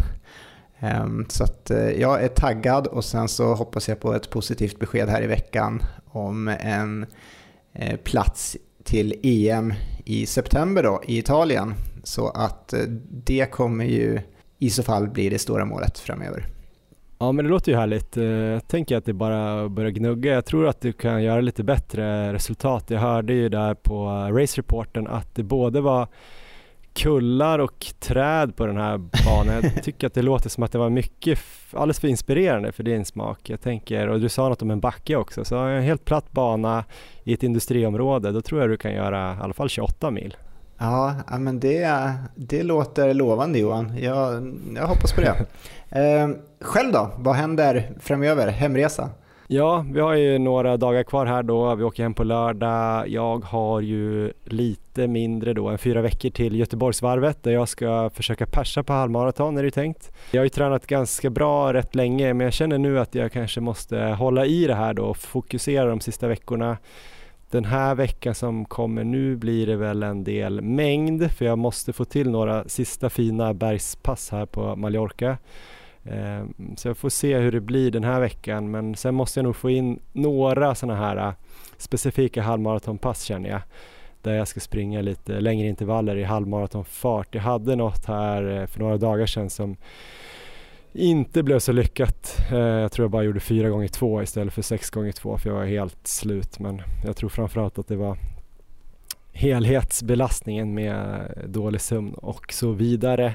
Eh, så jag tror att jag kan få till en bra form till den 21 maj. Eh, jag har ju perfekt uppladdning för själva loppdagen i alla fall när jag ska åka tåg ner då från Stockholm med SJ, det här löpartåget som går då till Göteborgsvarvet och där hoppas jag att du också kommer vara med och eh, skriva autografer eh, till mig och eh, andra som vill följa med och åka det här löpartåget. Eh, vi åker väl, eh, tror det var ungefär halv nio från Stockholm och kommer fram halv tolv och första start är klockan ett och sen åker vi hem igen då på kvällen. Eh, så det blir perfekt. En, en dag på tåg och i Göteborg. Ser jag fram emot. Eh, sen vet jag inte exakt vad som händer här framöver om det blir något fler lopp, något 10K-lopp. Ni kan ju kolla in då på Instagram där vi heter Maratonlabbet. Eh, vi fick nog ett överlägset like-rekord här hoppas jag på din bild här när du la upp här från ditt lopp i helgen. Eh, gå in och följ oss där på eh, Instagram, Maratonlabbet om ni inte har gjort det. Gå in och följ Erik på Erik Olofsson på Strava.